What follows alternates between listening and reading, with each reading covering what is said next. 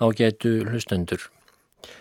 Í vetur þá las ég hér í þessari litlu þáttaröð upp úr bókinni Fjöll og fyrnindi frásagnir Stefáns Filipussonar sem Árni Óla skráði.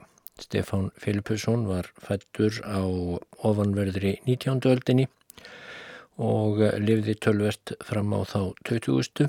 Hann var upprunnin fyrir austan og uh, reyndi margt á langri æfi og uh, þar á meðal var hann uh, í mörg ár feildarmadur erlendra ferðamanna sem komu hingað í byrjun 2000. aldarinnar til að ferðast um hálendið.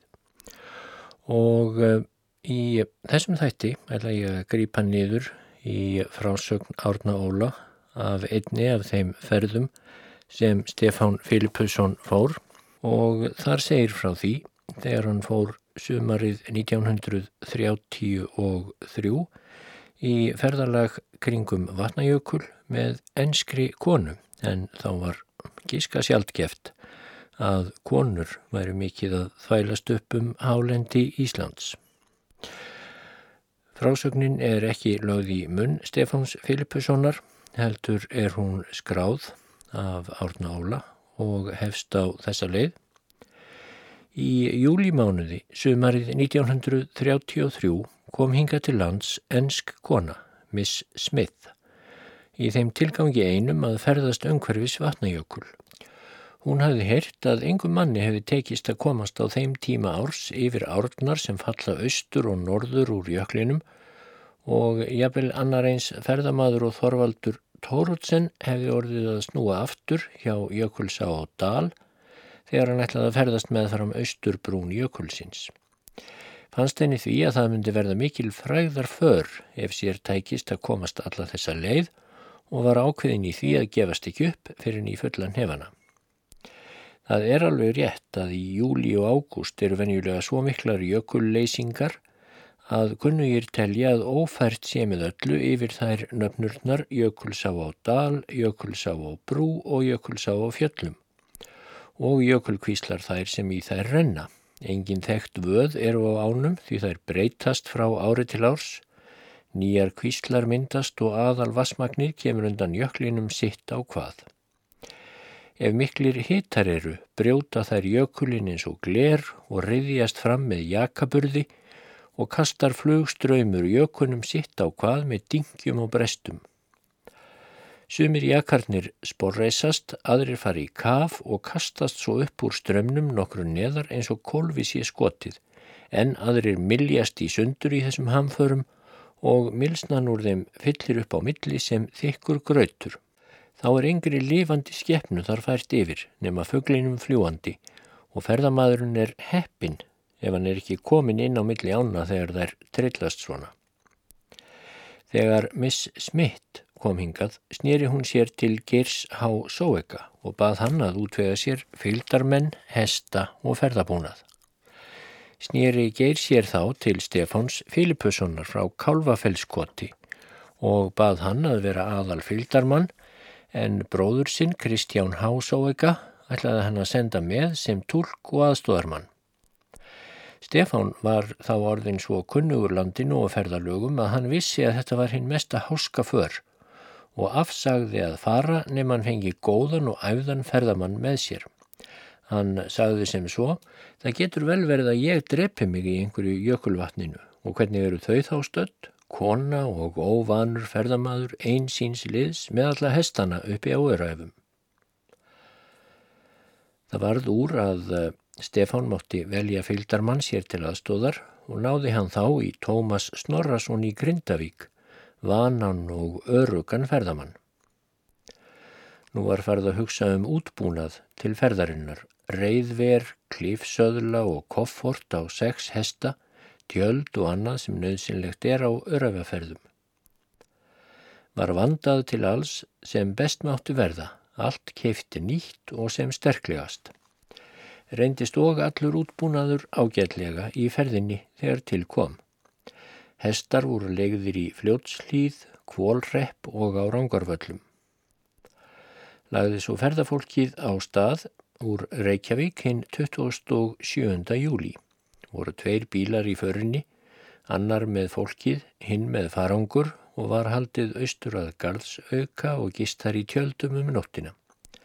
Þángað komu svo hestarnir, hafði verið beðið um fjórtán svo að hver geti haft tvo til reyðar en þegar tilkom vantaði einn hestin.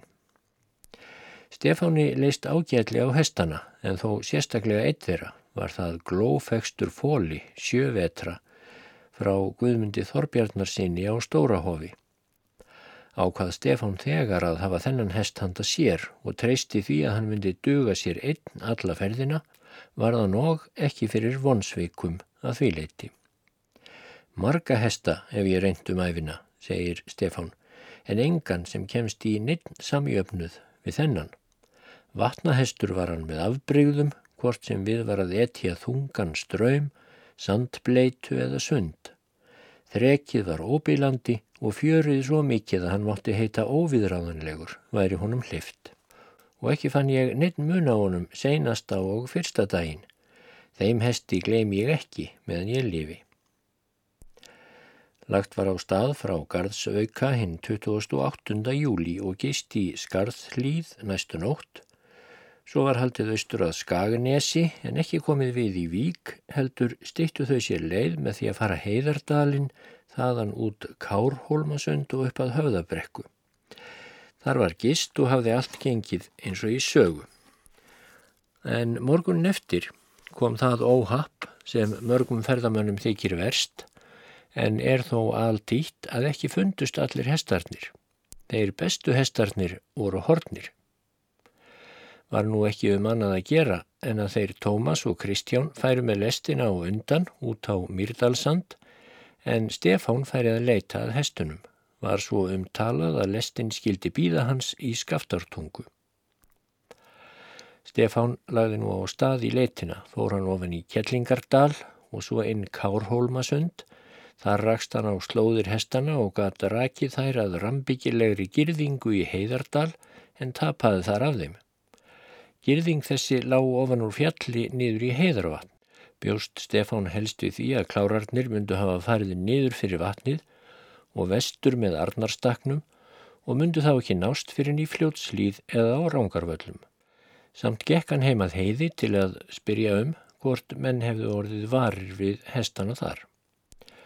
Þarna hitt hann menn sem höfðu verið að veiða við sunnanvert vatnið um nóttinu og fortóku þeir að hestarnir hefðu farið þarum Þótti heimamennum líklegast að hestarnir hefðu ranglað upp með girðingunni og væru komnir upp að dimmufossum. Lengra gætuður ekki komist. Þetta reyndist rétt, þarna fann Stefán hestana og var nú feignari en frá megi segja. Eftir mikinn eldingaleik náði hann glóa og lagði á hann og reið svo greitt austur að höfðabrekku. Þar tafði hann góða stund og fekk sér mat og kaffi og fór sér að engu óðslega þótt komið væri langt fram á dag. Svo fór hann ofan kaplagarða nýður á sandin vestan við múlakvísl. Þegar hann kom yfir kvíslina batt hann upp á þremur lausuhestunum og sló í þá. En við það trilltist glói og tók sprettin. Var hann svo miklu fljóttari en hinnir hestarnir að hann gistist fram úr þeim. Varð Stefán að sveia hann marga ringa um hverfis lausuhestana því ekki var um að tala að glói vildi lína sprettin og þannig var farið eins og hestarnir komust alla leið austur að Hafursei. Segist Stefán aldrei hafa reyðið slíkan sprett, hvorki fyrr nýja síðar. Og svo geist hafðan farið að hann náði lestinni hjá Hafursei. Var glóa þá farða volna en ekki blésan úr nös. Þennan dag var farið austur að Hrífunesi og geist þar. Segir nú ekki ef ferðum þeirra fyrir daginn eftir er þau eru komin austur úr skaftárveldarhraunni. Þar í svíra var tekið ofan af hestunum og settist ferðafólkið að snæðingi. Veður var gott og kyrt og hestarnir rólegir og beit allt í kringum fólkið. Þá var það allt í einu að smáfugl flög upp undan einum hestinum. Meira þurfti ekki, hesturinn fæltist og allir hinnir samstundis og þutu á stað á æðisgengnum flótta eins og horði. Það er ófögur sjón að sjá marga hesta fælast og eh, það er eittið mesta óhapp sem hend getur á ferðalagi. Skeppnurnar verða algjörlega trilltar og eins og óarga dýr sé á hælum þeirra og skeita engu nema að æða áfram eins hratt og fæturnir geta borið. Jafnvel stiltustu hestar geta orðið albrjálaðir á þennan hátt. Það er hópæðið sem grýpur þá og engin maður megnar að stilla þá og meðan skelvingin og óttinn gagn tekur dýrin. Þarna tóku nú hestarnir sprettin, átta komust á raungötuna en hinnir hitt ekki á hana og ættu niður með rauninu að skafta á og staðnæmdust þar. Stefán hljópa á stað vestur raunnið beint af augum og ætlaði að reyna að komast fyrir hínahestana en sá ekkert til þeirra, svo langt barða á undan þá þegar. Samt held hann áfram eins og fætur tóguðu, mætti hann þá bíl sem var á leið frá Vík og austur á síðu. Sögðust þeir í bílnum hafa mætt hestunum svo kolvittlausum að þeir hendust af veginum báðum eigin út í raunnið og fram hjá bílnum. Út í miðju hrauni náði Stefán í tvo hesta sem komist höfðu í sjálfheldu þegar þeir stukku undan bílnum. Í sama mund bar Kristján Sóeka þar að ríðandi með glóa í taumi. Þótti Stefáni þá vengast ráðið er hann var komin á bak glóa og þeistu þeir nú vestur hraunið. Eftir drikklanga stund náðu þeir fælinu hestunum sem eftir voru en vegurinn var svo þröngur að ekki var hægt að ríða framfyrir þá enda hertu hestarnir enn á sér þegar ríðandi menninir dróð á uppi. Var nú farið í loftköstum, vestur allt hraunið, hraðara en nokkur bíl getur ekkið þar. Þegar skamt var að brúninni á ásavatni tókst Stefáni að hleypa fram fyrir hópin og komast á undan að brúarsporðinum en þá hjælt hann að klárarnir myndu drepa sig. Svo óðir voru þeir að það láfið sjálft að þeir hlipu beint á hann þar sem hann stóð á brúni. Þó tókst einhvern veginn að snúa þeim við og tóku þeir þá sprettin austur hraunið aftur, jafn æðist trilltir og áður og lind ekki sprettinum fyrir þeir komu austur í svíra þar sem þau Tómas og Miss Smith voru með hína hestana. Voru þeir þá heldur illa til reyka er æðið rann af þeim, kúg uppgefnir og skjálfandi og draup sviti af hverju hári þeirra. Var það kvílað á lengi þarna á meðan þeir voru að jafna sig og þótti satt að segja ekki álitlegt að þeir skildu út tauga sig þannig áður en að aðal erfiðleikum ferðalagsins kom. En sem betur fór þá gætti aldrei fælni hjá þeim framar og reyndust þessir hestar yfirleitt ágætlega. Næstu daga gekk ferðalagið að óskum. Hannis á Núpstað fylgdi ferðalöngunum yfir Núpsvötnin og Skeiðarársand en Ottur í skaftafelli kom á mótiðum vestur yfir skeiðará til að fylgja þeim yfir hana, var áinn þá í vexti og voru þau heila klukkustund að svalka í henni. Síðan var farin skindiferðin í bæjastaðaskó og jökulfell því að þar vildi Miss Smith heilsa upp á vatnajökul. Veður var gott og heiskýrt og því hinn fegursta útsjón úr jökulfellinu. Bæjastaðaskóur skrúð græn á aðra hönd en bakvið hann sást morsárjökullin eins og löng og mjó beinagrind. Þar fyrir handan rísu kristínartindar, kvassir og dökkbrindir en yfir allt hófst öræfajökull, sól fáður upp í heiminbláman. Til hinnar handar var skeiðrárjökull grettur og úvinn með sandþögtum strítum og grænum gapandi gjám og framundan skóarbrekkurnar hjá skaftafelli, morsá og skeiðrá og svo hinn víði skeiðarársandur með titrandi tíbrá og hinnum förðulegustu hyllingum. Það er fegurra þarna sunnan undir vatnajökli heldur en þegar kemur austur fyrir hann og norður, það fenguðu að reyna. Á þó ríkaleikin og auðnin að austan og norðan líka sína fegurð en hún er með öðrum hætti. Á kvískerjum fengu þau Björn Bonda til fylgdar við sig því að nú lág fyrir að fara yfir breyðamerkur jökul en hann er við sjálf og skildi engin leggja á hann nema í fylgd með gjörkunnugu manni. Þrjár klukkustundir voru þau að klöngrast yfir jökulinn en komist þó slísalust niðravonum. Þegar austur í Hortnafjörð kom var góðaveðrinu lokið. Þar var rók og rigning og var þá jafn leiðinlegt að fara yfir almannaskarð eins og það er gaman í björtu veðri. Að volaseli í lóni áðu þau og fengu sér kaffi til hressingar en meðan á því stóð gerði eittið mesta þrumuveður sem komið getur hér á landi.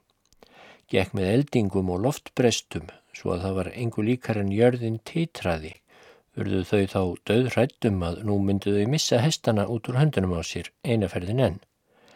En hestunum brá ekkert við þessar höfuðskepnu hanfarir. Frá sjónarmiði þeirra voru eldingarnar og þrumurnar ekki líkt því eins hættulegar og gráti hlingurinn sem flóið hafði undan þeim hjá skaftáröldarhraunni. Það hafði verið ætlun ferðalangana að fara frá stafafelli upp í Fagradal og svo einn til Jökuls. En Sigurður bóndi í stafafelli réði þeim eindreið frá því. Áleitt hann Jökuls á ófæra. Það vísu er kláferri á henni en hún var léleg og taldi hann að þeim myndi ganga sinnlega að koma öllum farangur sínum yfir ána í klápnum og auk þess væri það undir hælinlagt að hægt væri að koma hestum yfir ána. Hann ráðlaði þeim að fara heldur upp úr Geithelladal og þekktustauð það. Var svo haldið austur yfir Lónsheiði, yfir í Altafjörð og inn Geithelladal að kampskerði og gist þar í tjöldum. Þar er einkennilegt og fagurt landslag var þeim tekið þarna heið besta og fengið maður til fylgdar daginn eftir því ófært var upp úr dalnum þar sem þau höfðu hugsað sér að fara. Fór fylgdarmadurinn með þau aðra leið en hún mátti líka heita ófær. Leist þeim ekki á er þau komið þar sem átt að fara upp úr dalnum því hálsin var svo snar brattur að sumstaðar var sem hann slútti fram yfir sig. Þannig var nú samt að lagt til uppgöngu var þarna grít og lausar skriður svo hestarnir mistu hvað eftir annað fótfestu og brattin var svo mikill að Stefáni dætti kjannaði í hug en hestarnir myndu þá og þegar fara aftur yfir sig. Þó komistu þetta slísa laust á endanum. Voru þau þá komin mitt á milli Hofsjökuls og Þrándarjökuls, var svo haldið áfram fram hjá Rossatindum yfir í Víðital og gist þar um nóttina og nú var öræfaferðin hafin og hérðan af urðu þau að treysta á sig sjálf. Hinn 11. ágúst lögðu þau upp úr Víðidal, var fyrst haldið austur dalin og þar upp há brún. Þar standa tvær stórar vörður og á að fara á millið þeirra. Þaðan heldu þau fyrst til norðurs yfir urðarmela sem kallaður eru raun en síðan til vestur spengt á eigabakka jökul. Náðu þau í eigabakkaverum um kvöldið og tjölduðu skamt frá upptökum jökulsár á dal. Rennur hún þarna fyrst til norðurs og var einkennilegt að sjá grænan grasbakka aðinni öðrum eigin en sjálfan jökulinn hinum eigin. Þegar lengra kemur beigir á einn svo til austurs og stefnir eftir það til fljótstals. Eigabakkar eru víðáttu mikið graslendi, kvíslast á en um þá en fyrir handan hana og skamt í burtu rís snæfell, hátt og tígulegt og tegir kvítan kollin upp í heiminin. Vestur af því gengur núkarani og er skamt frá honum að jökli en þar á milli er grít flatneskja og ógróin með öllu. Þarna í eigabökkum fengu hestarnir haga eins og í besta túni og voru því hinnir rólegustu. Veður var fram úr skarandi gott, logn og hita sólskinn. Það lág líka vel á jökulsá þegar þau komað henni. Hún beljaði fram, þykk af jökulleir og ófær með öllu. Árla voru þau á fótum næsta morgun til þess að komast yfir ána og meðan hún væri í spök eftir nætur kuldan og áður en sólbráðin hleyfti í hann að blossa aftur. Hestarnir höfðu ekki hreift sig, þeir voru að býta allt í kringum tjöldin.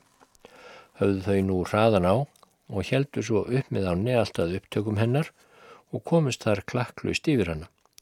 Var svo haldið niður með henni að vestan en brátt lenduðu þar í sjálfheldu. Það rann áinn fast upp að jöklinum og var jökulveggur meðfram henni á kabla en botlaus jökulleðja meðfram jökulbrúninni svo að allt ætlaði þar á kaf, menn og hestar. Við výlan leik tókst þeim þó að komast upp á jökulbrúnina en þar tók lítið betra við vegna auðleðju og hálku voru þau lengi að klöngrast yfir þessa ófæru þangar til þau komu þar sem Jökul sá breytti stefnu alveg í vingil og rann út til austurs. Þar komist þau niður af jöklinum og voru fegin að hafa aftur jörðundir fótum. Var nú tekinn stefna til norðausturs yfir melöldur og farið skamt frá Fitjarnúk sem er vestastur í núkaröðinni frá Snæfelli.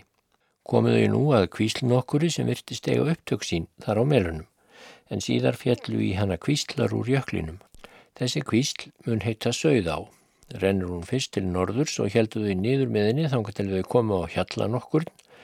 Þar er fallegur foss í ánni, af hjallanum er besta útsýn og sá þarna yfir öll vestur öræfin. Þar niður á lálendinu sáðu þau sæluhús og mun það vera sögðár kofi.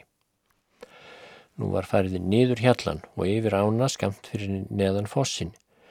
Var hún þar allvas mikil en ófær neðar því þar kemur í hana kvísl ofan úr jökli. Rennur svo áinn til norðvestur svo fellur í jökulsá og brú en sá bjór sem þar verður milli ána og jökuls heitir Marjutungur. Lán úr leiðin norður tungurnar niður með sögð á, komist þau fremst í tunguna milli ána, rann sögð á þar í gljúfri á aðra hönd en jökulsá á hína hönd í hróða vexti og með svo ægilegum jakaburði að hverki sá í vatn. Var það einkennileg og ríkaleg sjón að sjá stóreflis jaka í langri bendu kastast þarna áfram með flug hraða, rétt eins og á þurru landi, en hulinn sá kraftur er þessum hamförum olli. Ef jakarnir hefði ekki bylst allavega, sporreist og endastungist, hefði mátt ætla að þarna væri eitthvert dragband líkt og notaðir við síldar upp skipun og í verksmiðjum nema mörgum sinnum stórkostlegra. Í jöklinum voru skruðningar og dingir því að áinn mólaða niður og var hann eins og allur sundur tættur var því ekki viðlitt að komast upp á hann. Að vísu þótti Miss Smith jökuls á vera ljót en hún mátti þó ekki heyra það nefnt að hverfa aftur. Hún hafði einsett sér að fara í kringum vatnajökul og þeim ásetningi varði ekki breytt, var því ekki um annað að gera en býða og vita hvort áinn ritt ekki á endanum úr sér jakaferðinni um nóttina en þarna var engin hægi, ekki stingandi strá og því ekki hægt að hafast við hjá ánni um nóttina vegna hestana. Var þá afráðið að fara aftur inn í marjutungur. Þau fóru nú sömuleið upp með sögðárgljúfri því annar staðar var ófært. Árið 1918 hafði jökullin gengið fram á gljúfurbrún en nú hafðan minkað svo að 2-3 kilometrar voru upp að jökulbrúninni en þar sem hann hafði leið áður var nú sökkvandi jökul leðja. Þó var gróður svo litið farin að festaða rætur. Var á fremstu jökulöldunni geysi mikil fýfurönd sem bar hátt og kinguðu fýfurnar stórum kollum til ferðafólksins. Var það hlíleg sjón í þessari miklu auðun að horfa á þetta fagra fýfubelti en engin nót höfðu þau þess því þarna var engin hægi heldu þau því lengra inn eftir tungunum og að svo kallaðri útgöngu þúfu. Hún er álíka ummáls og meðal húsarúst en há og svo snar brött að hestarnir komist ekki upp á hana. Þarna var kafgras, dökkgræn sandtaða, svo há og þjell að þar var sem best væri sprottið í túni. Rétt hjá þúfunni er lítil tjörn, svo að þarna var hinn ákjósanlegast í tjaldstaður en löst var sofið þessa nótt því mikil var eftirvæntingin og kvíðin fyrir jökulsá. Klukkan sex að morgni voru allir komin á stjá, var svo drukkið kaffi og lagt á stað. Nú var jökulsá allt öðruvísi útlitt sem daginn áður. Allur jakaburður var úr henni nema hvað hún fleitti fram jaka og jaka og stangli. Sáðu þeir fylgdarmennirnir þegar að ekki var um að ræða nema eitt broti í henni þar sem líkur voru til að hægt myndi að komast yfir. En ílt var að komast að því broti vegna örleðju og jaka hrannar sem áinn hafði skilið eftir við landið. Þeir Tómas og Stefan lögðu nú tveir í ána til að vita hvort hún væri reið. Gekk þeim vel út í miði ána en við vesturlandið var áll og náði vatnið þar upp fyrir bóknútu á hestunum og var í því flug ströymur. Þegar þeir komu aftur austur yfir spurði Miss Smith hvort áinn myndi fær með klifjahesta. Þeir sögðu að það væri hæpið því ströymurinn myndi skella á miðjum koffortum, en hægt væri að komast yfir ána, það hefði hún séð og væri allt í hennar ábyrð ef hún vildi brjótast yfir. Hún eggjaði þá mjög að reyna að komast yfir og hvaðast með öllu óhrætt ef Stefán heldi í taumin á sínum hesti. Nú voru koffortahestarnir og lausuhestarnir bundnir hver í taklið á öðrum, þrýr og fjórir saman og teimdu þeir karlmenninir sína lestina hver en Stefán let á ensku ríða við hlið sér fór streymis og hafði þrjá koffortahesta í taumi. Brotið var tæft og ekki mátti hestana hrekja neitt því þá voru þeir komnir út af brotinu og líklega döðin vís því að skamt fyrir neðan brotið runnu tvær kvíslar í ána hvorur sinni átt, sögð á að austan og naflaus kvísl að vestan voru þær báðar svo ströymharðar að þær mynduðu hrygg þvert yfir jökulsá, voru þar trillingsleg bóðaköst. Nær þau Stefán og Miss Smith voru komin út í vestur álinn þar sem hann var dýfstur, kom Jaki ofan ána og voruð þau að býða til þess að hleypunum framhjá. En ströymurinn skall á hálsum hestana og aftur um herðatopp. Rétti í því að Jakin fer framhjá þeim, kemur annar Jaki sem þau höfðu ekki veitt aðtigli og skall á þeim koffortahestinum sem var í miðið. Varð áreiksturinn svo snöggur að hesturinn misti fótana og fór jakin undir hann. Var það nú hefni að hestarnir höfðu verið nýttir hver í taklið á öðrum því fyrsti og seinasti hesturinn heldu nú í miðhestin þanga til hann kom fótunum fyrir sig aftur. Ef miðhesturinn hefði verið bundin við klifsöðul þá myndan hafa rykt klífsöðli og koffortum aftur af fremsta hestinum og hlaut það að hafa endað með slísi. En nú kom klárin fótunum fyrir sig aftur og komist þau heilu og höldnu yfir ána. En þá kom í ljós að hesturinn sem fyrir jakanum varð var skorinn á báðum lærnútum upp við kvið eftir brún á jakanum geta með nokkuð af því markað hvað ströymurinn hefur verið mikill og kastið á jakanum. Þegar allt var komið yfir, saði Tómas, en lafir það við okkur lánið, Stefán, en nú mátt ekki tæpara standa.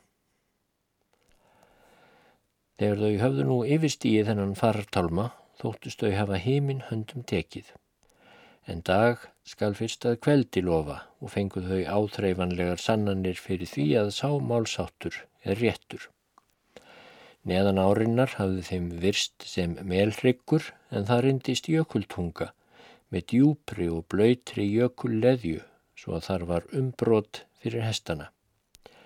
Ekki var samt um neitt annað að gera en reynað brjótast yfir þetta og vita hvort ekki tæki betra við bráðlega en er þau höfðu farið þannig um það byrj 150 faðma kom þau fram á jökul gljúfur og niðri í þeim byltist á með svo æðisgengnum trillingi að þau heyrðu hvernig hún rutti fram grjóti.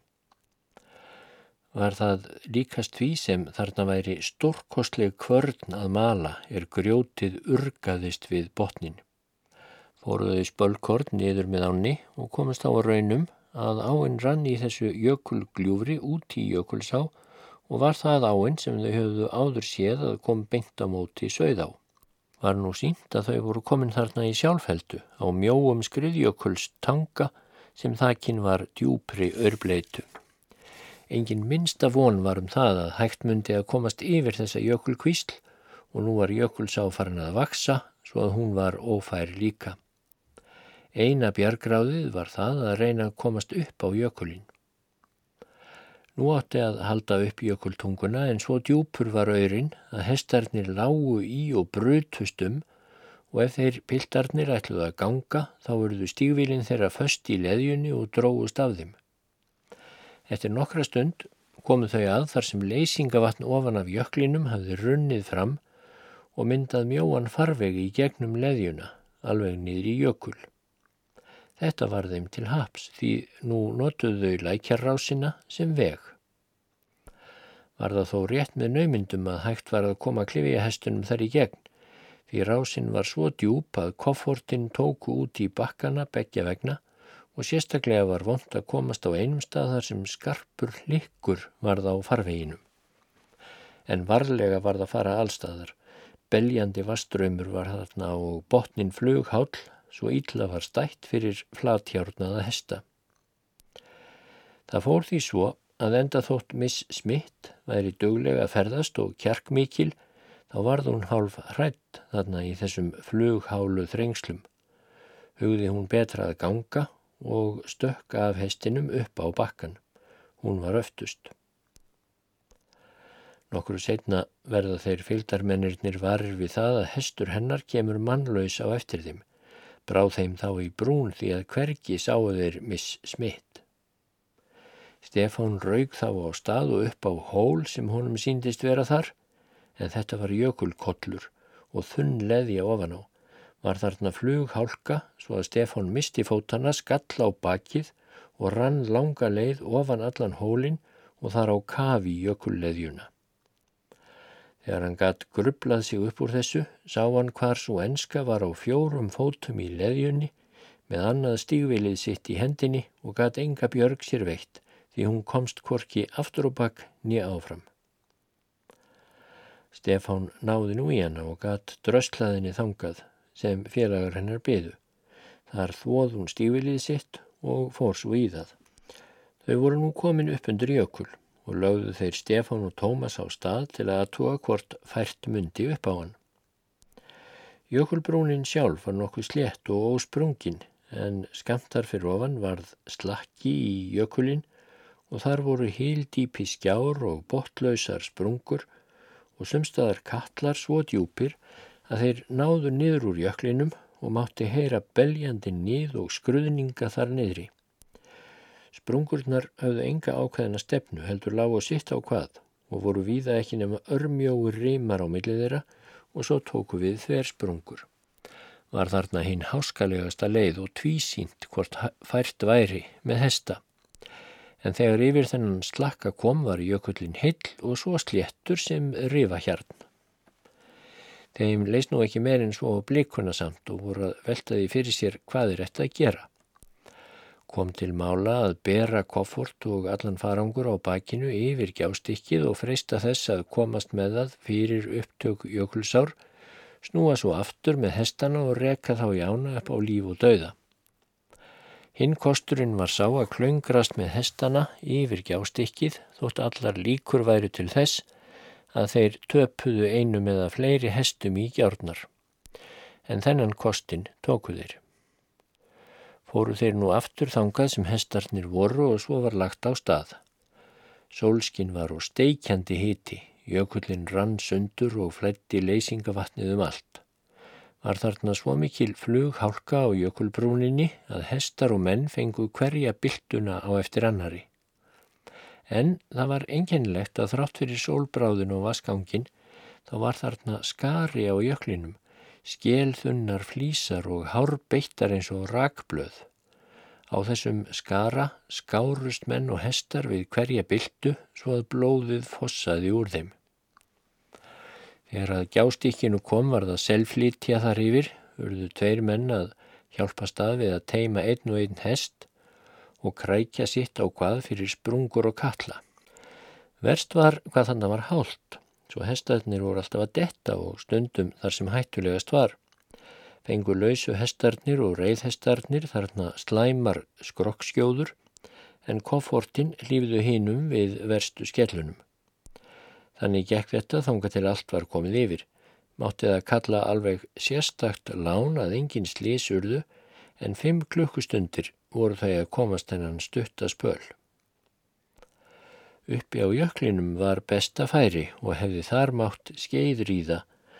Hjeldu þau nú norður á bógin og hugsuðu ekkert til þess að komast ofan af jöklinum fyrir en þau væri komin fyrir kringilsár ranna höfðu þau fyrst stefnu og kverkfjöll en þegar þau þóttust vera komin nógu langt snar beigðu þau til austurs og hittu þá á upptök kverkár. Var þar slétt skora eða dæld í jökulbrúnina niður á þánni og ágætt að komast niður. Fóru þau bynd niður í kverká sem var vasslítil og síðan upp á hálsnokkur sem næru austan frá kvannstóðsfjöllum allarleið upp í jökul. Síðan var haldið nýður með kverká og ekki langt ángu til þau komu á graslendi. var það rústun okkur ekki ósveipuð útgöngu þúfu í marjutungum og um 40 faðma að þvermáli. Þarna var kafu gresi og geysi mikill puntur. Ekki var þessi góði grashægi í eyði því þar höfðust við tvær útilegu kindur, fullorðin ær og önnur veturgömmul, báðar í alull. Þær hlupu út á sandin og byðu þar meðan fólkið staldraði þarna við en það var ekki lengur en á meðan hestarnir voru að taka úr sér sárasta sultin. Svo var enn haldið niður með Kverká, síðan að Fagradalsfjalli og meðfram því, sunnan yfir í Fagradal, var það orðið dimt, klukkan tvö á lánætti og hafðu þau verið 17 klukkustundir á ferð. Voru nú hendur látnar standa fram úr ermum, tjöldum, sleið í skyndi og matast. Hestunum var sleft lausum því það er ílt að hefta þreytta hesta og nú veitti þeim ekki af að njóta kvildarinnar sem best. Fólkið var líka kvildin í feið og svaf vel um nóttina. Dægin eftir sem var 12. ágúst heldu þau þarna kyrru fyrir, þurfti að járna nokkra hesta og dittaði ímsu sem úr lægi hafði gengið. Fór dagurinn að mestu í þetta og að leitað vaði á kreppu. Funduðir það ekki fyrir en langt fyrir innan Fagradalsfjall en yfir greppu ætluðu þau þó ekki í þetta sinn því nú var förinni heitið til Möðrudals á fjalli. Voru þau orðin upp í skroppaða nesti og fimm seinustu brauðunum urðu þau að fleia vegna þess hvað þau voru orðin mikluð. En fremur vantaði þau orf og ljá, hrífu og poka til þess að heia og hafa undir fóður handa hestunum áður en lagt væri á sjálft ódáðurhraun. Nú var haldið áleiðist til Möðrudals, fyrst fram hjá Altadal og síðan langa leið niður í Arnardal. Þar er melgresi og sandtaða, kjarn, gott land og þar láta jökuldælingar hesta sína ganga fram eftir vetri.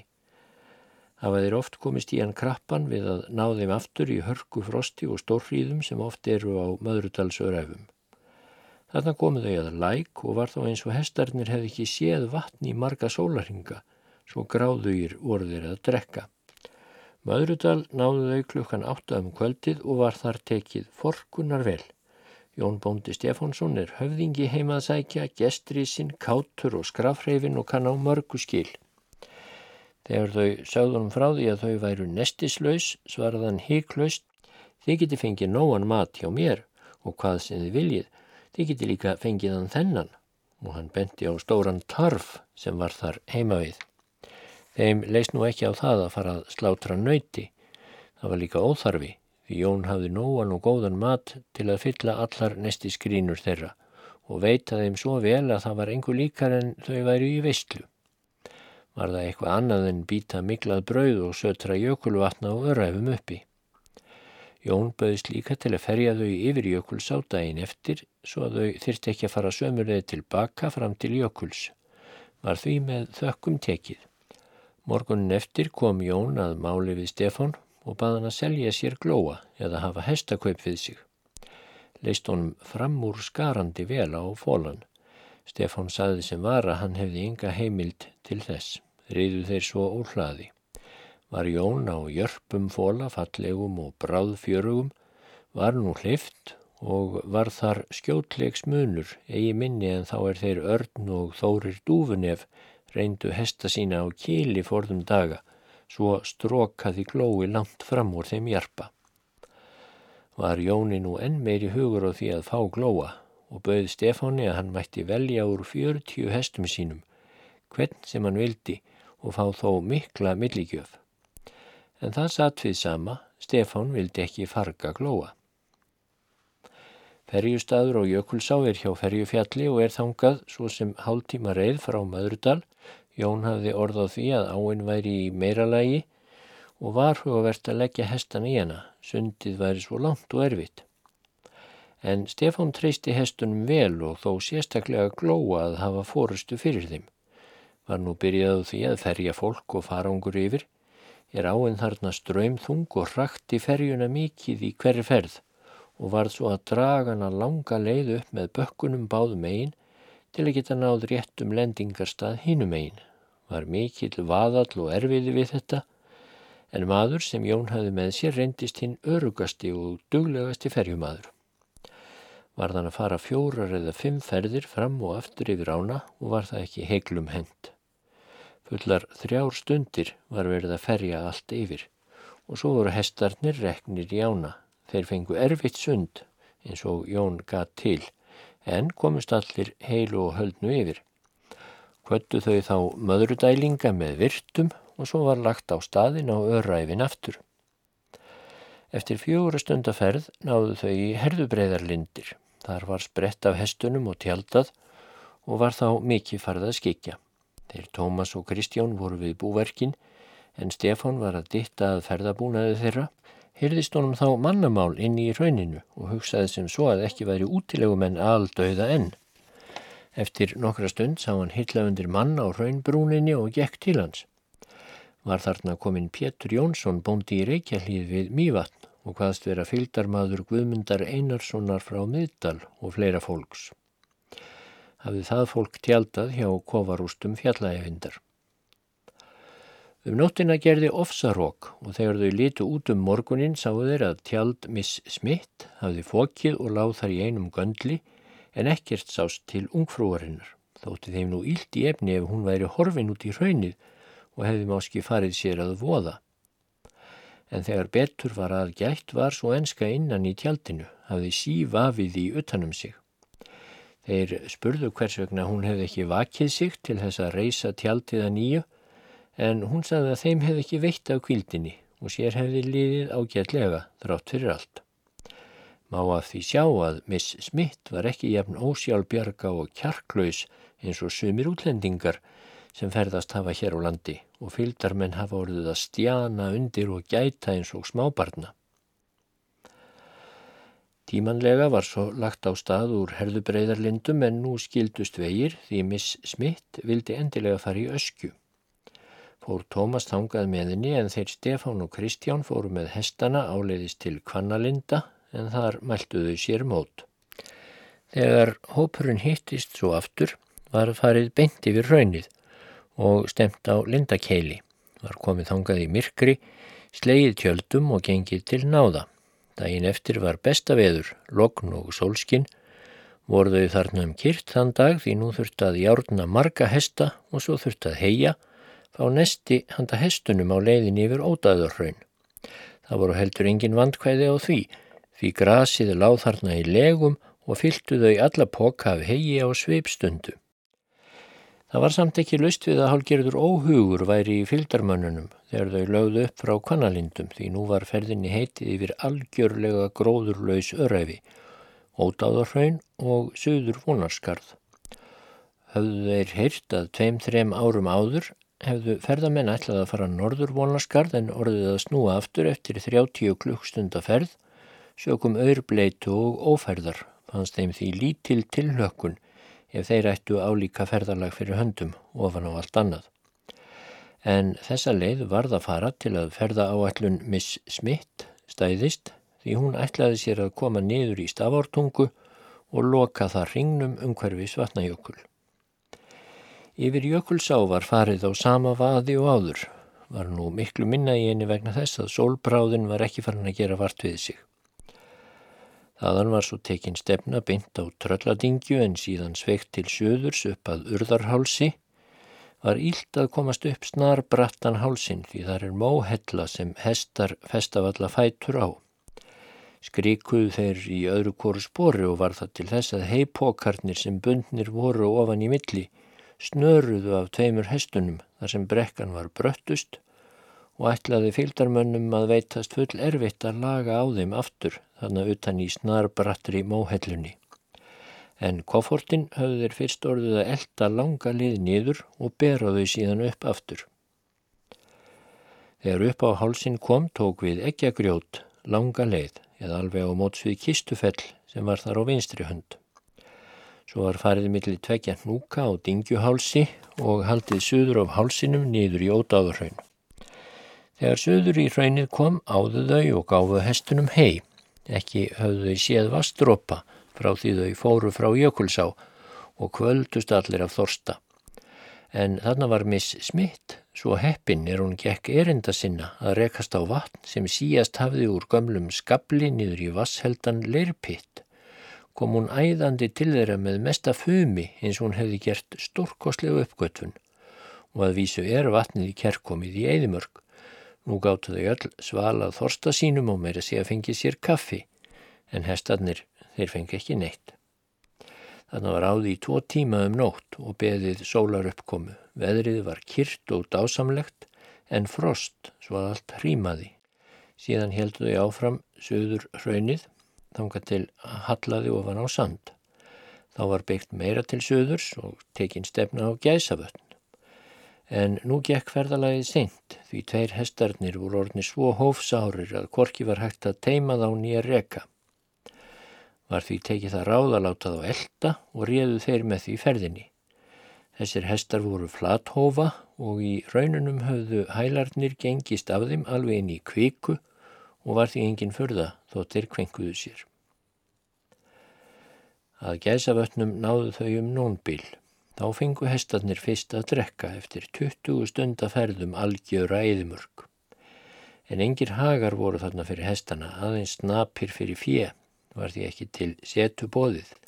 Og vegna þess hvað hestarnir voru íllafarnir þá fjækst Miss Smith til þess að breyta ferðaáallun sinni og hætta við að fara vonarskarð því þar er grít og erfið leið. Var þá tekinn stefna norðan við Tungnafellsjökul og náðu þau í Tómasarhaga í rökkur byrjun og hafðu þá verið 32 klukkustundir milli grasa, en þar eru sæmilegir hagar. Næsta dag var farið yfir fjórðungskvísl og svo tekinn stefna siðst á Hofsjökul og svo vestur með honum og yfir nokkrar kvíslar sem þaðan renna í þjórsá. Um miðjan dag náðu þau Arnarfellsveri og slóðu þar tjöldum því lengra var það ekki komist með sárfættu hestana þann daginn. Þannig voru afbræðshagar og fengu hestarnir nú loks erlega fyllið sína. Morgun eftir lögðu þau tímanlega á stað vestur til nautaga er það ílleið og seinfarin vegna bleitu og íhlaupa og svo var í þetta sinn. Í þjórsárdal lenduðu í fennjum og forræðum þar sem allt ætlaði á kafhjáðum var það vegna þess að þau fóru ekki nógu vestarlega. En að sólegar höfðavaði náðu þau um kvöldið og tjölduðu þar. Næstu nótt tjölduðu þau hjá gljúfur á og var það seinasta nóttin þeirra í óbyggðum.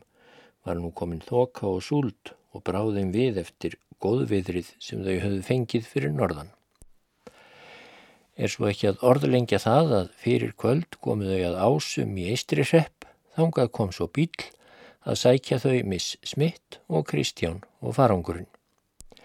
Þeir Stefán og Tómas fóru með hestana til að skila þeim, fóru þeir fyrst að þjórsárholti og sund lögðu þar hestana í seinasta sinni í þjórsá, höfðu þeir dugað ákjærlega í þessari erfiðu ferð allinnum að tveir. Og Glói var ekki líkur því að hann væri neitt þreyttur, segir Stefán, Hann dansaði með mig þegar við komum yfir þjórsá og þegar við komum niður á rángarvöllu var þann óviðráðanlegur. Þannig fagnaðan því að koma heim.